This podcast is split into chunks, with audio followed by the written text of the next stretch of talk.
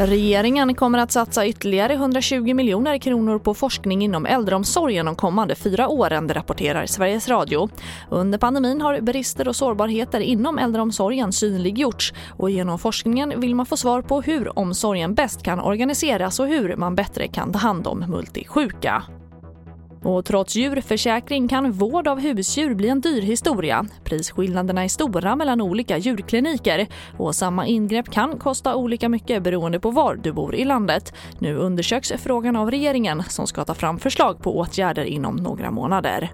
Vi behöver titta på allt det som är grundproblemen kring det här. Vi har för få veterinärer eh, och för dålig styrning eh, och reglering av den här marknaden. Och det sa Jenny Nilsson, landsbygdsminister. Och staden Minneapolis betalar ut 229 miljoner kronor till George Floyds familj efter det polisingripande i maj förra året som ledde till Floyds död. Nyligen inleddes rättegången mot den polis som höll sitt knä mot Floyds hals i flera minuter. TV4-nyheterna, jag heter Charlotte Hemgren.